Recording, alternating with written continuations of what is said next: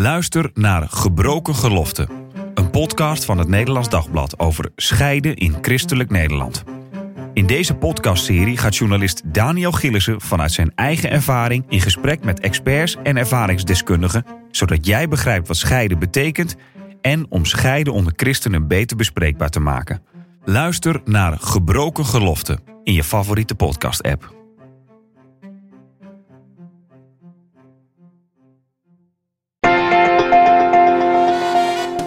De Sekspodcast. Christenen over relaties, liefde en seks. Leuk dat je luistert. Mijn naam is Marien Korterink en in deze podcast praat ik wekelijks over relaties, liefde en seks. Deze week doe ik dat met relatiecoach Kokkie Drost. Leuk dat je er bent, Kokkie. Hi Marien. Ja, we hebben het deze week over het volgen van je hart. En dan denk ik direct aan van die bordjes met het cliché... Follow your heart erop. En ik heb, er er allemaal ideeën over. Heb nee, ik vind het vreselijk. Toch wel. Wat jij? Ja, en verschillende lettertypes ook, hè, als het even kan. Ja. Ja. Nee, ik krijg er ook altijd jeuk van, van die bordjes. En het liefst wil ik ze ook niet zien, omdat ik me er altijd heel erg aan, eh, aan stoor. Omdat? Het roept bij mij een soort gevoel op van... ja, ja, je hart volgen. En je verantwoordelijkheid dan? Makkelijk, hè? Alleen maar luisteren naar je hart. Maar wat zegt dat over jou? Ja, nou, daar heb ik dus uitgebreid op gereflecteerd in Echt? column. Oh ja, ja. zeker. Ehm, nou, omdat ik met mijn hart niet altijd een heel erg goede verstandhouding had. Ik wist wel dat ik een hart heb. En dan heb ik het gewoon even. Je hart klinkt natuurlijk zo van. Ja, dat is een beetje een geitenwolle sokkenterm. Maar ik bedoel daarmee je, je ziel, je wezen. Wat je, wat je voelt, wat je denkt, wat je, wat je vindt. Ook wat je uit, wat je je herinnert. Eigenlijk nou, het emotionele deel van wie jij bent. Maar dat is natuurlijk door allerlei gebeurtenissen eh, gevormd. Ehm, en ik voelde altijd veel, als jong meisje altijd wel. En ik corrigeerde dat gevoel altijd. Dus dat hart van mij, daar was ik altijd een beetje hard tegen. Jij dacht, dit gevoel, dat mag er niet zijn, bijvoorbeeld. En dan drukte Of je het, dat is, weg. het is raar, of het is sociaal niet geaccepteerd, of niemand is toch bang? Waarom ben jij dan bang? Ehm, Dan en- dacht jij, ik ben gek. ja, of in ieder geval een piepert. Ja, Oh ja. iedereen, alle andere mensen kunnen dit toch wel? Waarom lukt jou het dan niet? Wat eraan heeft bijgedragen dat ja, mijn zelfbeeld of de manier waarop ik naar mezelf keek niet bepaald heel hoog was. Want ik zag andere mensen die het allemaal wel konden, die niet bang waren, die niet van zo'n zo'n labiel hart hadden. Want dat dacht ik dan. En jij dacht, Ja. het ligt aan mij. Alles lag aan mij. Ja. het Inmiddels is- niet meer, het ligt allemaal aan jou, Marie. Ja, ja, precies. Maar en, en, en toen heb je die allergie van die bordjes al opgebouwd? Nee, dat is later ontstaan. Weet je, ik heb natuurlijk in mijn, ehm, en dat is heel mooi aan mijn werk als relatiecoach, krijg je even een glimp van de harten van de mensen te zien die tegenover je zitten. Eh, omdat als het over relaties gaat, is het heel erg kwetsbaar. Mensen die soms denken van ja, ik weet wel wat ik vind of wat ik, wat ik voel en zo is het nou eenmaal. Het is de kunst om wat verder te durven graven. En dat vinden heel veel mensen best wel spannend. Want ja, eh, ik laat niet zo'n eh, miep eventjes eh, mij helemaal, hoe zeggen ze dat dan, ontleden of Ja, zo. ja. het hoeft allemaal niet, dat gedoe. Niet de diepste ziel, zielenroerselen Ja, delen. allemaal gedoe. Oh, ik, ik spreek regelmatig van die kerels. dat is echt heel erg Zijn het leuk. altijd mannen? Ehm, nee, het zijn ook wel eens vrouwen, maar eh, als ik zeg maar op, op feestjes of weet ik veel mensen spreek, dan zijn het vaak kerels die dan zo tegen me beginnen te praten. En de vrouwen die vind ik juist allemaal vaak leuk. Het is niet altijd zo, laten we wel. Kan ook hè? andersom. Zeker, het kan zeker ook andersom. Maar in mijn hoofd zit er nu een man zo te praten die het allemaal Ja. maar gedoe vindt. Eh, met een G ook dan. maar ik weet niet waarom. Ehm, maar weet je, het, en dan vind ik het juist heel erg mooi als je over relaties praat. En gewoon echt niet heel ingewikkeld of met allemaal, nou, maar ga eens even heel diep voelen. Dan hoeft het allemaal helemaal niet. Maar gewoon eens een bepaalde situatie erbij pakken waar emoties naar boven zijn gekomen. En emoties kan dus zijn dat je boos bent geworden of ehm, dat je weg bent gelopen of dat je juist helemaal stil werd. En dan vind ik het kunst om dat te gaan nou ja, ontrafelen. Wat is er eigenlijk precies gebeurd? En oh ja, oh, dus dat voelde je zo. Wat, wat vond je ervan dat je dat zo? Oh ja, weet je wel? En dan gewoon op zo'n manier naar mensen kijken, met mensen praten. En ja, ik doe dit werk nou inmiddels eh, bijna twaalf jaar. En ik merkte op een gegeven moment, ik weet nog, dan kwam ik thuis en zei ik, mijn werk is gewoon fantastisch. Ik kom er steeds meer achter, ik ben helemaal niet zo gek als ik dacht. Nee, het valt allemaal best mee. Alle mensen hebben van dat soort hoofden. Ja. Alleen het duurt wat langer voordat zij het voelen vaak. En dat heeft te maken met mijn nou ja, Ja. sensitiviteit, denk ik dan maar. Maar dat, dat dat follow your heart is ergens dus ook iets wat jij als relatiecoach misschien juist zegt tegen mensen soms van probeer naar je hart te luisteren. Nou, en daarom vind ik dus die term zo. zo ja, eigenlijk is die een hoop kapot gemaakt als het gaat over naar je hart De proberen te luisteren. Ja, de, de bordjes. Nou, omdat het zo. Weet je, ik heb ook heel veel mensen in mijn praktijk gesproken die juist zeiden: Ik heb altijd gedaan wat hoorde. Het is nu tijd om mijn hart te volgen. Ehm, wat ik begrijp, want anders stik je als je nooit luistert naar wat je voelt. Maar daarbij geen rekening hielden met de consequenties die het kan hebben als je ineens je hart gaan volgen, gaat volgen. Als je altijd hebt gedaan wat hoorde en je hebt een gezin, je hebt een bepaalde baan, je hebt verantwoordelijkheid en ineens stop je daarmee, dan heeft het natuurlijk vergaande consequenties voor je gezin, misschien voor je partner, um, voor je verantwoordelijkheden die je hebt. En ik denk dat, ja, weet je, um, je hart volgen is één ding, maar je mag ook gewoon stilstaan bij, wacht even, wat is het goede, wat is het verstandige? En ik heb het nu wel specifiek over mensen die bijvoorbeeld uh, en ineens uit een relatie stapten of ineens voor een ander kozen. Met name verliefdheid is hier een Het heeft een negatieve connotatie, dat van je hart volgen. Dan denk je altijd inderdaad van dat zijn mensen die na zoveel jaar huwelijken eh, toch ineens Ga wat eens anders gaan mijn hart doen. volgen. Ja, Ja, van ik heb dat nooit. Misschien is dat dat het heel lang niet gebeurd is en dan ineens Ja. willen mensen hun hart gaan volgen. Ja, dat, dat, je denkt, als je dat altijd had gedaan, Ja. dan was je misschien niet, niet Nee. ineens plotsklaps iets veranderd. Nou, dat, dat is het dus precies. Is dat gewoon altijd had gedaan. En ik vind ook, naar je hart luisteren is meer dan datgene doen wat je voelt. Laten we dat even ook voorop stellen. Het heeft ook alles te maken met je bewustzijn van... hé, hey, wacht, dit neem ik waar, dit voel ik, of dit, dit denk ik, dit, dit, hier twijfel ik aan, wat dan ook. Gewoon dat is even voor lief nemen, zeg ik maar. Je hart voor lief nemen. Dat is eigenlijk de eerste stap naar, van naar je hart luisteren. Ehm, en dan ook kijken hoe serieus moet ik zo'n gevoel dan wel of niet nemen. Weet je wel, stel je nou voor, Marien, jij loopt over straat en je ziet ineens een vrouw lopen en je voelt, wow, oh, dit heb ik nog nooit gevoeld. En je denkt, ja, ik volg mijn hart. Dus tada, daar ga je. Ja, Ja, ja. ik Ja. weet niet hoor. Ik zie nou zo'n zo'n jager voor me. Maar goed, dit terzijde. De kunst is juist om je te realiseren... nou, hartstikke leuk dat je dit voelt, hard. Ehm, maar is het ook iets waar ik wat mee moet? Waar ik wat mee kan? Dan kan het zo zijn. Ik doe maar een gok. Hè. Het is, ik, ik denk in jouw geval niet dat het zo is. Maar soms is het zo. Ehm, dat het je laat zien van... wacht eventjes, kom ik aan deze behoefte? Mis ik iets in mijn huidige relatie? Of probeer ik een leegte of een behoefte op te vullen met dan maar even naar mooie vrouwen kijken of achter mooie vrouwen aanlopen, weet je wel? Dus het is ook heel goed als je naar je hart luistert, dat je ook afvraagt, dat je jezelf ook afvraagt, waar komt de stem van dit hart, deze stem van mijn hart vandaan? Waar voedt je je hart mee? Weet je wel, dat is ook een heel belangrijke. Als jij in een cultuur zit waar het constant alleen maar over geld en macht gaat, ja, dan kun je er echt gewoon de klok op gelijk zetten. Dat jouw hart ook gaat verlangen naar geld en macht. Dat is helemaal niet raar. Dat is gewoon menselijk ook hoe we eh, ons hart kunnen voeden. En de een zal daar ontvankelijker voor zijn dan de ander. Maar ik denk dat als je aan het begin al denkt van... hé, hey, hier wil ik eigenlijk niet zijn... dat je op dat moment al eerlijk moet luisteren. En soms is het best lastig, want dat kan dus betekenen... dat je mensen heel erg teleur gaat stellen. En dat is dus wel dat follow your heart waarvan ik denk ja... maar dat betekent dus ook dat het heel krachtig is... om te luisteren naar wat je eigenlijk voelt.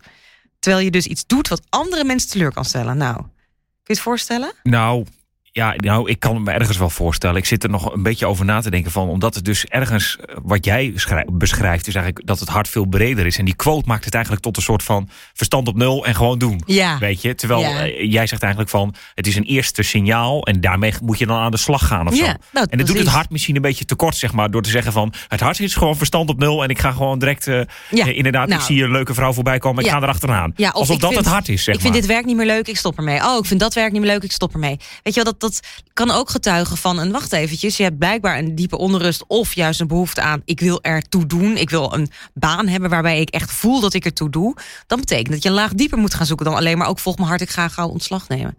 En ik zit even te denken met dat... ehm, wat ik net noemde, mensen teleurstellen. Ik hoorde laatst het verhaal van een, eh een jonge man. Die was eh, de zoon van een arts. En ja, hij was gewoon eigenlijk de gedoodverfde opvolger van zijn vader. Eh, en dat dacht hij ook dat hij dat wilde. En, ehm, maar steeds meer voelde hij toch iets knagen. En op een gegeven moment werd het zo sterk. Maar dat, dat duurde bij deze jongen drie jaar voordat hij dat tegen zijn ouders durfde te vertellen. Van ik ga toch geen geneeskunde studeren. Ehm, en zijn ouders reageerden veel minder eh, heftig dan hij van tevoren had gedacht. En het was van hem een enorme bevrijding. Maar ik dacht, ja, ik ben hier ehm, in zoverre wel heel blij mee dat die jongen nog redelijk op tijd heeft durven luisteren. Ondanks dat hij zo bang was voor wat andere mensen ervan zouden kunnen vinden. Dus dan is het juist het, eh, de stem van je hart die je heel serieus mag nemen. Kijk, je kunt hem proberen te negeren en proberen weg te redeneren met, nou, dit voel ik niet, nee, dit is er niet. Maar dan komt hij op een ander moment weer heel vrolijk terug. Of Ja. minder vrolijk natuurlijk. En, en dat is dus het dubbele een beetje aan dat hart volgen. Ergens is het, en, en ook als je dit soort verhalen vertelt, dan denk je, en hoor je mensen ook wel eens zeggen van had ik dat maar eerder gedaan. Mhm. Dus je denkt, het volgen van je hart is iets positiefs, maar heel vaak heeft het dus een negatieve. Wanneer is het nou verstandig om dat te doen? Of hoe doe je het op een goede manier? Want, want ergens zeg je drie jaar is lang, terwijl het ook verstandig is om dat Ja. niet eh, na één dag studie te zeggen. Nee, ja, maar is hij is, hij, heeft ook niet, eh, hij is ook niet eh, na, na, na 30 jaar arts te zijn dat hij dacht: het is eigenlijk niks voor mij. Nee, dus je eigenlijk wel? kan je toch ook zeggen drie jaar is misschien Nee. prima. Ja, dat is het ook. Iedereen heeft daarin Maar zijn vaak heb je dan wel het gevoel, had ik dat maar eerder besloten. Ja, nou ja, dat is ook weer iets. Kijk, en dat is dus ook een stem van je hart, zou je kunnen zeggen. Soort van. En dan zou ik, dan, dan zou ik zo'n stem, want dat is meer een soort van aanklager, eh, die zou ik dan even een naam geven. Eh, bijvoorbeeld eh, Harry of zo. Weet je wel? Hoi Harry, leuk dat je er weer bent. Hier, neem een kopje koffie, ga zitten en nou, en nou mag je weer gaan. Weet Ja, je dat is wel? de negatieve aanklager. Ja, dat je een beetje dat ook- negativiteit. Precies, het, het, het, is, is eigenlijk tweeledig. Aan de ene kant, je moet de stem van je hart gaan onderscheiden van... oh, ik voel gewoon dit en ik voel dat. Want er zijn soms echt dingen die je duidelijker voelt dan dat je denkt. En ik denk dat je daar echt veel bewuster van mag zijn. En daar zijn wij in het Westen gewoon niet zo heel goed in. Wij zijn heel goed in ons hoofd en minder goed in voelen wat we nou ergens van vinden. Maar ja, het kan gewoon echt, als ik even een tip mag geven... het kan te maken hebben met dat je ehm, bepaalde onrust voelt in je lijf. Of eh, echt gewoon eh, gespannen spieren, eh, je nek, je rug. Het zijn allemaal van die gebieden die dan snel in de spanning schieten. Dat is ook heel goed om dat waar te nemen. Van, oh, wacht even. Is er iets waar ik mee zit, waar ik over nadenk? En dat is eigenlijk al, onderscheid maar gewoon even de stem van je hart van die van je, van je reden, van je ratio. Dat je het constant wilt beredeneren. Ehm, en vervolgens, dat vind ik een hele mooie, moet je dus je hart voor lief nemen. In plaats van het gaan corrigeren, want dit moet je niet voelen. Dit moet je niet denken, dit hoort bijvoorbeeld. Dat je gewoon echt zegt, wacht even. Dit is de stem van mijn hart, daar mag ik gewoon naar luisteren. Maar ik hoef niet meteen ook te doen wat goed voelt of wat makkelijk voelt. Dat is vaak juist een hele primaire reactie. Ik zit te denken, komt het ook... Jij zei ook van, hey, ik heb het vroeger misschien te veel weggedrukt. Is het ook iets, iets christelijks misschien? Of meer voorkomend Zeker, bij, bij ja. gereformeerden dan bij anderen? Ja, nou ja, reformeerde, eh, reformatorisch zeker Ja, ook. ook. Omdat je natuurlijk van heel eh, van jongs af aan al eh, leert dat je alle hartstochtelijke begeertes Dat is allemaal en fout. gedachten, ja, die moet je afdoen. Dat is allemaal fout. Dus Voor die mensen is soms follow your heart wel iets goeds om te ja, horen. nou, dat denk, ik, dus- dat denk ik ook. Dat dat beste iets, iets goeds kan zijn. Ehm, maar het betekent dus niet, en dat is echt iets wat ik wil benadrukken van. En dus ga maar direct je hart eh, followen, want ja, dat klopt, zei iemand. En het is ook, dat is dan ook weer zo'n bord wat op een bordje kan, toch? Volg je hart, want dat klopt. Ja. Hey, nou zag ik dat jij in je column ook nog wat tips hebt. Hè? Eh, nou, één dus, neem je hart voor lief inderdaad. Eh, negeer je gevoelens en emoties niet.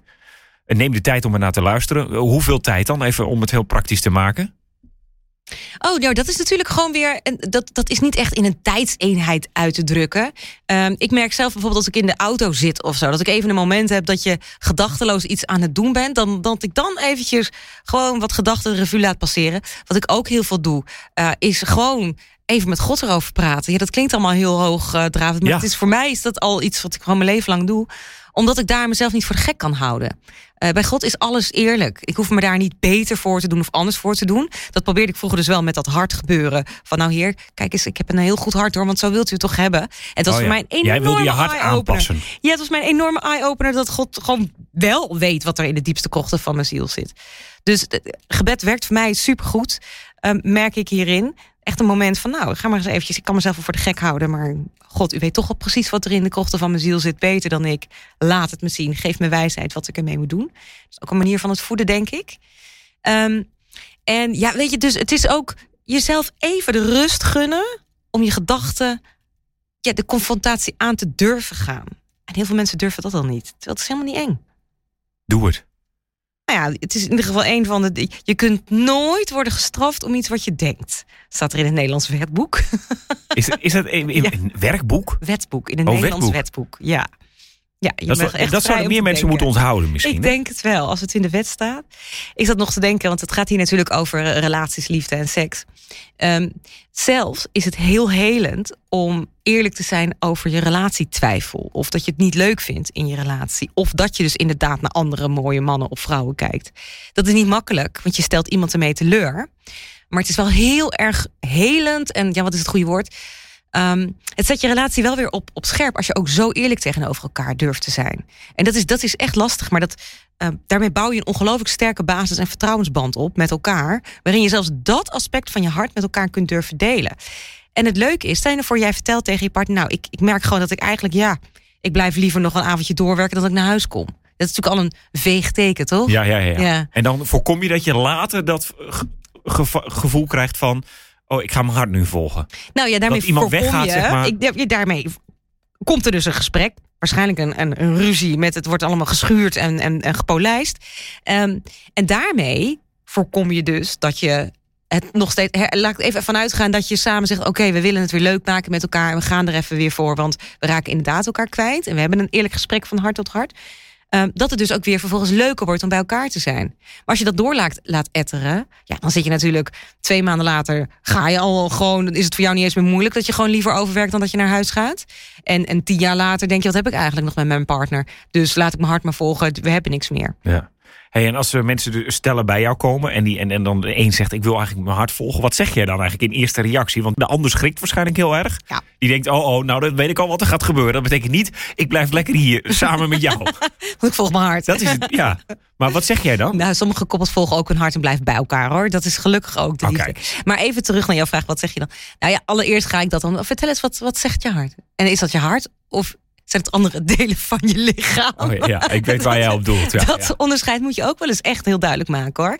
En dan ook inderdaad wil ik, oké, vertel eens, waar, waar komt het vandaan? Eh, hoe is het eh, begonnen? Zaten er al scheurtjes in je relatie? Is het verliefdheid dan ook? Want verliefdheid wordt misschien ook vaak als, eh, dit is mijn hart die iets vertelt. Ja, ja, ja, ja. Verliefdheid is een heel bedriegelijke emotie. Het is een heerlijke emotie. Maar je want, moet, emoties mogen er zijn, heb je net ook gezegd. Precies. Al, alle gevoel is legitiem, zeg ik altijd maar. Ehm, dus verliefdheid mag ook zijn. Dat moet je ook serieus nemen. Omdat het, anders een heel akelig... Ja, ofwel geheim leven kan gaan leiden... of het maakt je kapot van binnen. Ehm, ik had laatst iemand die eh, daar ook heel erg last van had. En die merkte van... ja, ik heb gewoon een ehm, onverzadigbare honger... naar constant dit soort eh, dopamine prikkels. Dus ja, een, een saai leven kon zij niet hebben. En eh, daar is zij eh, verder mee gegaan. Van wacht even, waarom heb ik dat altijd nodig? En hou ik dat vol tot mijn tachtigste? Nou, dat denk ik niet, zeg maar. Eh, en, en tegelijkertijd denk ik, ja, maar jij bent wie je bent, hè? Jij houdt van prikkels, je houdt van leuke gekkigheid. Ja, maar je gaat niet elke keer een leegte die daar blijkbaar zit... of een behoefte, het is meer een behoefte dan een leegte... is altijd, vind ik altijd zo'n, ja, zo'n veroordelend woord, vind je niet? Maar Marien, heb je een leegte in je hart? Nou, dat moet dan gevuld worden. Ja, sommige mensen hebben dat wel hoor. Maar dan is het meestal een behoefte aan geliefd worden, gezien worden, erkenning, gewaardeerd worden, mogen zijn wie je bent. En dat zijn allemaal compleet menselijke, legitieme emoties die we allemaal hebben. Dus als ik het heb over leegtes, is het eigenlijk dus een behoefte. En we zoeken allemaal een andere manier op om die behoefte te, eh, daarin te voorzien, te bevredigen. Ehm, nou, en in dit geval was deze vrouw dus van, van dopamine kick naar dopamine. Dus zij werd echt snel verliefd. En dan ehm, ja, zei ze ook van ik, ik wil dat niet, want ik wil gewoon ehm, een stabiele relatie met mijn man. Eh, wil ik ook voor mijn kinderen. Eh, maar ik voel het heel sterk. Nou ja, en al pratend bleek dus dat het inderdaad voor haar elke keer weer een gevecht was. Van ja, ik wil dit niet voelen, want ik moet het niet zijn, want ik moet kalmer blijven.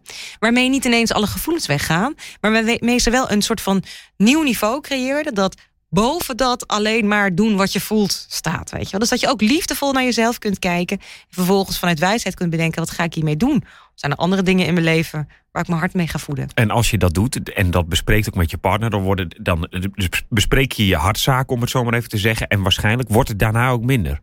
Ja, klopt ja. Dus niet altijd, het is geen Nee, wet of zo, of wiskundige nee. formule.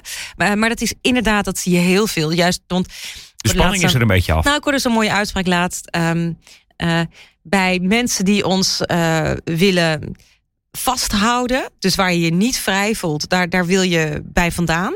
Juist mensen die jou dus bij zich willen houden, daar wil je Ja, bij ja. wegrennen. En mensen die helemaal niet per se jou bij zich willen houden, daar wil je blijven, omdat je er vrij voelt. Ja, Weet het is je zo wel? van als je claimt, dan, eh, dan wil de ander juist graag weg. En als je Ja. het loslaat, dan wil de gra- ander graag Ja, bij je zijn. Nou ja, dat is het, dat- die, die verbondenheid zonder dat je stikt. En eh, dat is eigenlijk dus ook dat je je zo vrij voelt dat je zelfs dit deel van jezelf kunt delen. Dat is wel iets waarvan je denkt, ja, zo vrij voel ik me bij elkaar. En dat is wel een heel belangrijke basis voor een goede eh, relatie en ook een, een toekomst voor je relatie. We noteren, neem je hart voor lief. Neem je ge- gevoelens en emoties serieus. Ze mogen Mhm. er zijn. Ja? Eh, je bent meer dan je gevoel, dus ook niet direct van ik voel dit en ik ga dit doen. Nee, precies. Je hebt echt ook verantwoordelijkheid. En eh, je had ook in de column geschreven, je bent niet alleen op de wereld. Ja. Nou, we hebben nog wel eens de neiging om dus te denken... ja, maar ik leef maar één keer, het gaat om mij. En eh, weet je, dit is, maakt mij nou eenmaal gelukkig. Ehm, en ik weet niet of dit dus komt vanuit mijn eh mega christelijke opvoeding... of vanuit gewoon nou ja, eigenlijk toch wel mijn streven naar wereldvrede. Ik, ja, Of een combi daarvan. ja, zoiets weet ik veel. Iets uit mijn Miss Universe verleden, denk ik. nee, maar dat ik juist ook merk dat de, de balans tussen aan de ene kant autonoom zijn. Dus eh, verantwoordelijkheid nemen voor wat je voelt en wat je denkt. En aan de andere kant ehm, verbonden zijn met mensen. Dat, dat dat een fantastische balans is. Want we zijn sociale wezens. We hebben mensen om ons heen nodig. En er zijn al zoveel relaties eh, die niet eh, in stand blijven. Omdat mensen dus zo bezig zijn met ja, maar ik wil alleen maar gelukkig zijn. En dan dus niet denken van hé, hey, wat voor consequenties heeft het voor een ander. Het mag je af en toe dus ook wel wat kosten. He, dus dat het tegen je follow your heart idee ingaat, dat is helemaal niet meteen erg. Als dat automatisch zo gaat omdat je nooit naar je hart luistert, ja, dan zou ik wel aan zo'n houtrapport gaan doen. maar als je dat doet omdat je denkt, ja, maar wacht even, het mag me nu wat kosten, omdat ik het belang van de ander voor ogen heb, dan vind ik dat alleen maar hartstikke goed. Want dan is het je eigen keus. Dankjewel, Kokkie.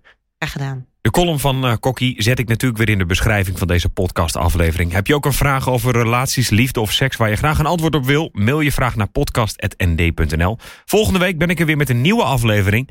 Tot dan.